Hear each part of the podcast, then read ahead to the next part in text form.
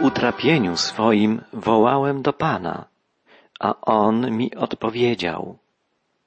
To wyznanie Jonasza jest świadectwem cudownej łaski, jakiej doświadczył prorok, przebywając we wnętrznościach wielkiej ryby.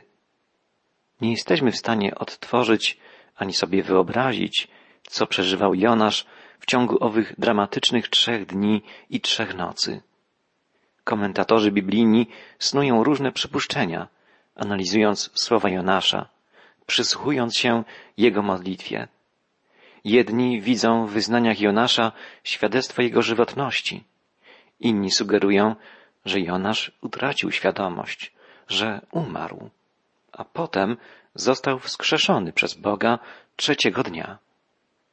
Nie chodzi przy tym o to, że ktoś kwestionuje dziś możliwość przebywania Jonasza we wnętrznościach wielkiej ryby i przetrwania okresu trzech dni w dobrym stanie zdrowia. Zdecydowana większość biblistów, jak i naukowców jest dzisiaj zdania, że to mogło się wydarzyć. Jest zgodne ze stanem współczesnej wiedzy. Chodzi jedynie o to, że nie jesteśmy dziś w stanie stwierdzić, jak było naprawdę, jak było w rzeczywistości. Autor angielskiej wersji wędrówki przez Biblię, dr Vernon McGee stwierdził, że dla niego większym cudem byłoby to, gdyby Bóg wskrzesił Jonasza trzeciego dnia jego pobytu we wnętrzu wielkiego stworzenia morskiego. Skoro bowiem dzisiaj nie ulega wątpliwości, uważa Magi, że przeżycie kilku dni we wnętrzu wielkiego rekina lub wieloryba jest możliwe, a nawet znanych jest co najmniej kilka przypadków tego typu wydarzeń opisanych przez naukowców i dziennikarzy, to przetrwanie trzech dni we wnętrzu wielkiej ryby przez proroka Jonasza nie jest czymś niepowtarzalnym, ponadnaturalnym. Większym cudem z pewnością byłoby jego wskrzeszenie trzeciego dnia. Jeszcze bardziej niezwykłe przeżycie Jonasza przypominałoby wtedy powstanie z martwych Jezusa, a sam Chrystus mówił przecież, jak wiemy, o znaku Jonasza danym ludzkości – jako o zapowiedzi, iż Syn Człowieczy przebywać będzie w grobie przez trzy dni, a potem powstanie z martwych. Jak było naprawdę, wie tylko Bóg. Faktem jest, że pewne słowa modlitwy Jonasza wydają się wskazywać na to, że spotkała go śmierć.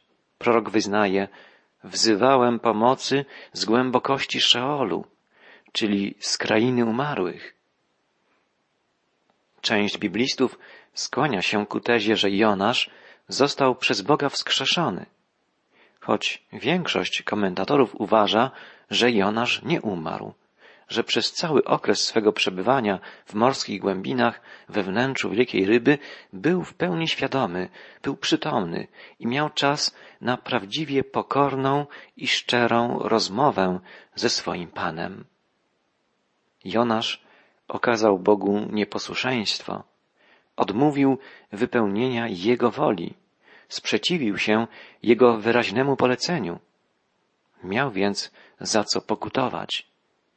Wsłuchajmy się w Jego modlitwę. Czytam od drugiego wiersza, drugiego rozdziału Księgi Jonasza. Z wnętrzności ryby modlił się Jonasz do swego Pana, Boga utrapieniu moim wołałem do Pana, a On mi odpowiedział. Z głębokości Szeolu wzywałem pomocy, a Ty usłyszałeś mój głos. W innym przekładzie słowa Jonasza brzmią następująco.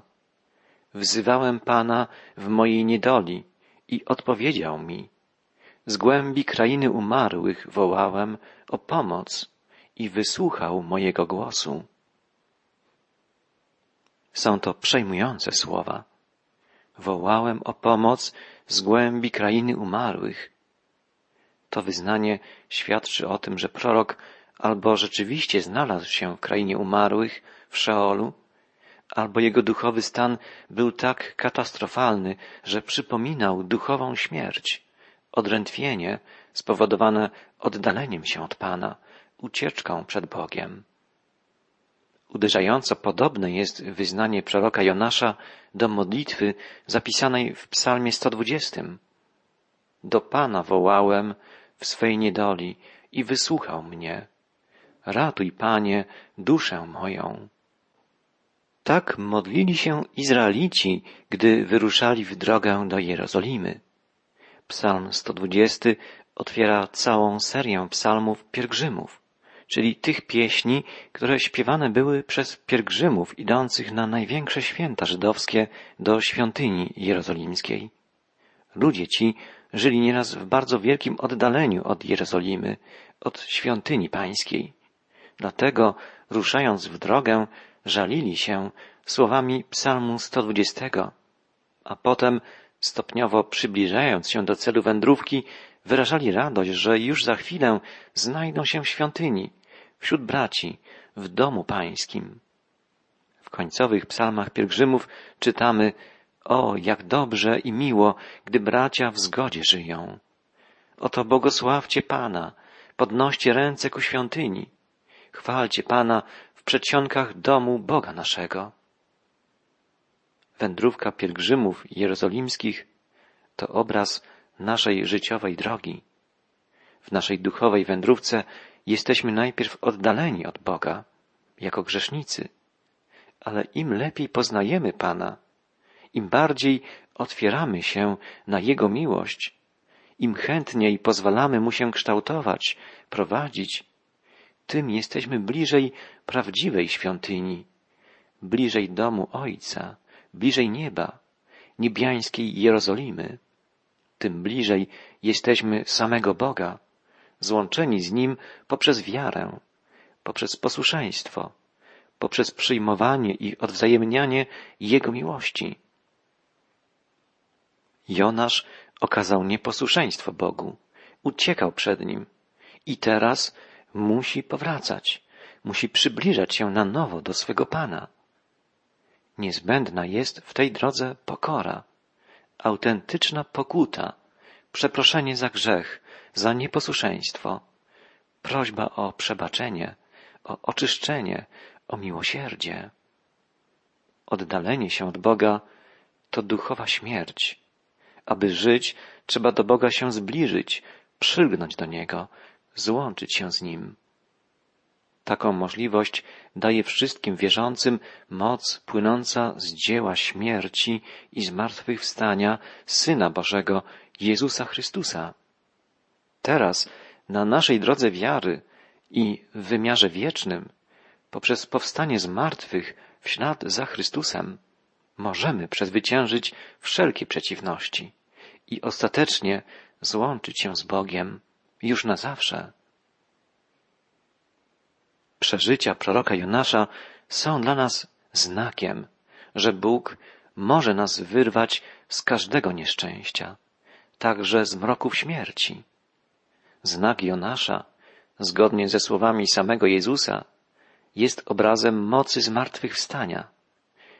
Zmartwychwstania najpierw wielkiego Syna Człowieczego, Syna Bożego, a potem, w ślad za Nim, powstania z martwych wszystkich wierzących, wszystkich tych, którzy złączyli się z Panem, Bogiem żywych i umarłych. Myśląc o tym, zaglądamy do samego serca chrześcijaństwa. Tajemnica zstąpienia na ziemię Bożego Syna, a potem dramat Jego śmierci i zmartwychwstania to najwspanialszy cud, zmieniający porządek świata, tworzący nową rzeczywistość, dający początek nowemu stworzeniu. Wspaniale pisze o tym cytowany przeze mnie już nieraz wybitny pisarz i myśliciel chrześcijański C.S. Lewis. W eseju zatytułowanym Wielki Cud pisze on tak. Historia wcielenia się Syna Bożego jest historią zstąpienia i zmartwychwstania. Kiedy używam tu słowa zmartwychwstanie, nie mam na myśli tylko pierwszych kilku godzin czy pierwszych kilku tygodni zmartwychwstania. Mówię o tym całym ogromnym wzorcu zstąpienia głęboko w dół, a potem wstąpieniu z powrotem w górę. Zmartwychwstaniem zazwyczaj nazywamy, że tak powiem, sam ten punkt, w którym następuje zmiana kierunku. Zastanówmy się, czym jest stąpienie w dół. Zejściem nie tylko w człowieczeństwo, lecz w te dziewięć miesięcy, które poprzedzają narodziny człowieka, w ciągu których podobno wszyscy powtarzamy w krótkości dziwne przedludzkie i ponadludzkie formy życia i zejściem jeszcze niżej w istnienie jako martwe ciało. Coś, co gdyby ruch wstępujący się nie rozpoczął, wkrótce przestałoby w ogóle istnieć jako ograniczenie i cofnęłoby się do stanu nieorganicznego, jak się to dzieje ze wszystkimi zmarłymi. Mamy tu obraz kogoś schodzącego na sam dół i pogłębiającego dno morskie. Mamy obraz silnego człowieka, próbującego dźwignąć bardzo duży, trudny do uchwycenia ciężar. Nachyla się do ziemi i wchodzi pod niego tak, że sam znika i wtedy wyprostowuje się i rusza z miejsca z tym całym ciężarem kołyszącym się na jego barkach. Może to też być obraz nurka, który po kolei zrzuca części garderoby, rozbiera się do naga, po czym mignie tylko w powietrzu i posuwa się w dół poprzez zieloną, ciepłą, rozświetloną słońcem wodę, aż zanurza się w wodę czarną, jak smoła, zimną, lodowatą, w dół, w muł i szlam, a potem znowu posuwa się w górę. Jego płuca prawie pękają. Znowu do zielonej i ciepłej, nasłonecznionej wody, a w końcu do światła słonecznego, trzymając w ręku coś ociekającego, po co schodził w dół.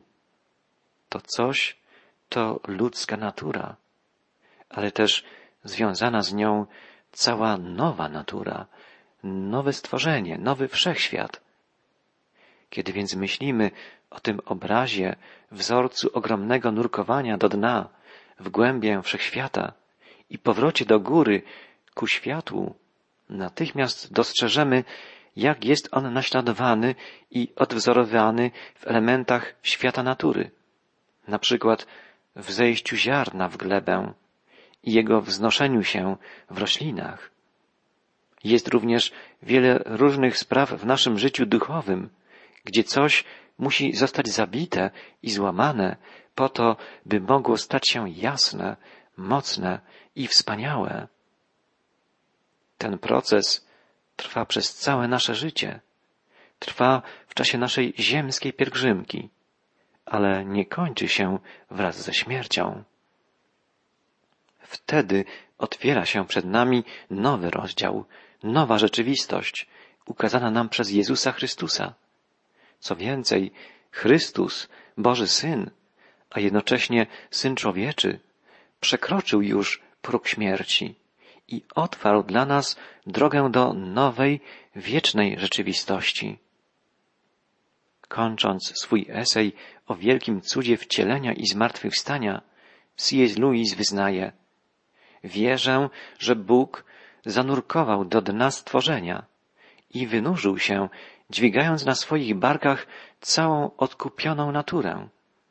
Cudy, które się już wydarzyły, oczywiście są, o czym Pismo Święte tak często mówi, pierwszymi owocami nadchodzącego lata wszechświata. Chrystus zmartwychwstał, a więc i my zmartwychwstaniemy.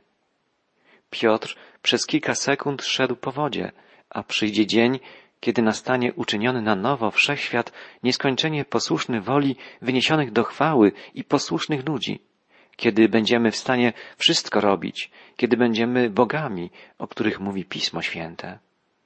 Wprawdzie jeszcze ciągle jest mroźno, ale tak często bywa wczesną wiosną. Dwa tysiące lat w tej skali stanowi tylko dzień lub dwa. Naprawdę powinniśmy mówić, zmartwychwstanie miało miejsce dwa tysiące lat temu w tym samym duchu, w jakim mówi się wczoraj widziałem krokusa. Wiadomo przecież, czego zapowiedzią jest krokus. Wiosna zbliża się powoli, lecz wielką rzeczą jest to, że najgorsze jest już za nami.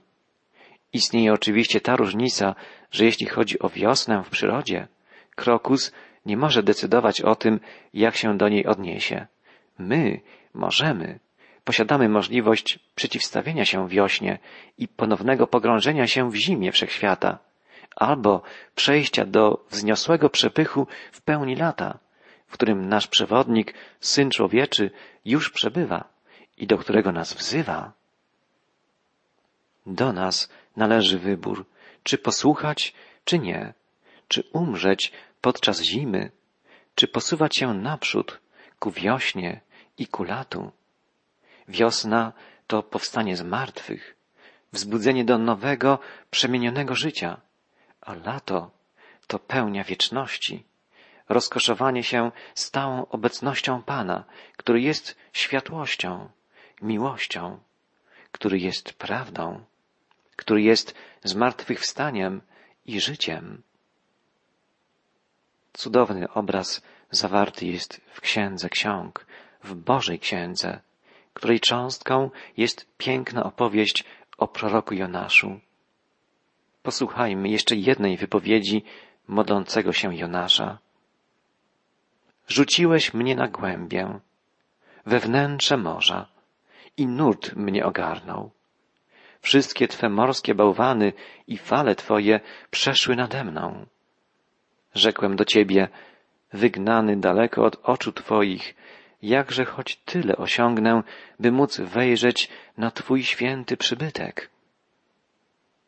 Jonasz wyraża pragnienie, by mógł choć jeden raz, mimo że znalazł się we wnętrzu morza, w oddaleniu od Pana, by mógł choć jeden raz spojrzeć, wejrzeć na święty przybytek, czyli na miejsce przebywania żywego Boga. Takim przybytkiem była świątynia w Jerozolimie.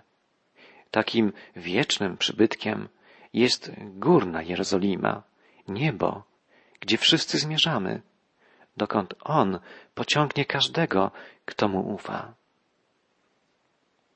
Znów naszą uwagę zwraca to, że słowa Jonasza podobne są do wołania psalmistów. Dawid wielbił Pana, wyznając Sięgnął z wysokości, pochwycił mnie, wyratował mnie z wód wielkich. To słowa psalmu osiemnastego. A w innym, sześćdziesiątym drugim psalmie Dawid wyznaje Jedynie w Bogu jest uciszenie duszy mojej. Od Niego jest zbawienie moje. Panie, do Ciebie wołam. Tyś moją nadzieją. Tyś działem moim w krainie żyjących. To słowa psalmu 142. Duch Święty, Duch Boży przypominał Jonaszowi natchnione słowa psalmów. Pamiętam, że także modliłem się słowami psalmu Pan jest pasterzem moim, kiedy znalazłem się w śmiertelnym niebezpieczeństwie, gdy samolot którym leciałem wraz z żoną, omal nie runął do morza.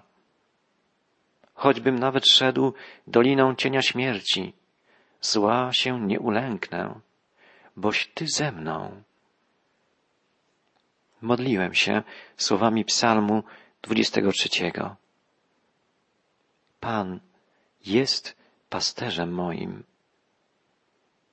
Jakie niezwykłe jest to, że słowami wcześniejszego 22 psalmu modlił się Jezus, gdy umierał na krzyżu. Boże mój, czemuś tak daleki od wybawienia mego, od słów krzyku mojego.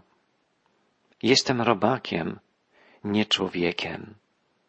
Wszyscy, którzy mnie widzą, szydzą ze mnie, wykrzywiają wargi, potrząsają głową rozlałem się jak woda.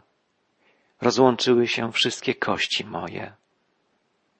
Położyłeś mnie w prochu śmierci. Przebodli ręce i nogi moje. Przyglądają się, sycą się mym widokiem. Między siebie dzielą szaty moje.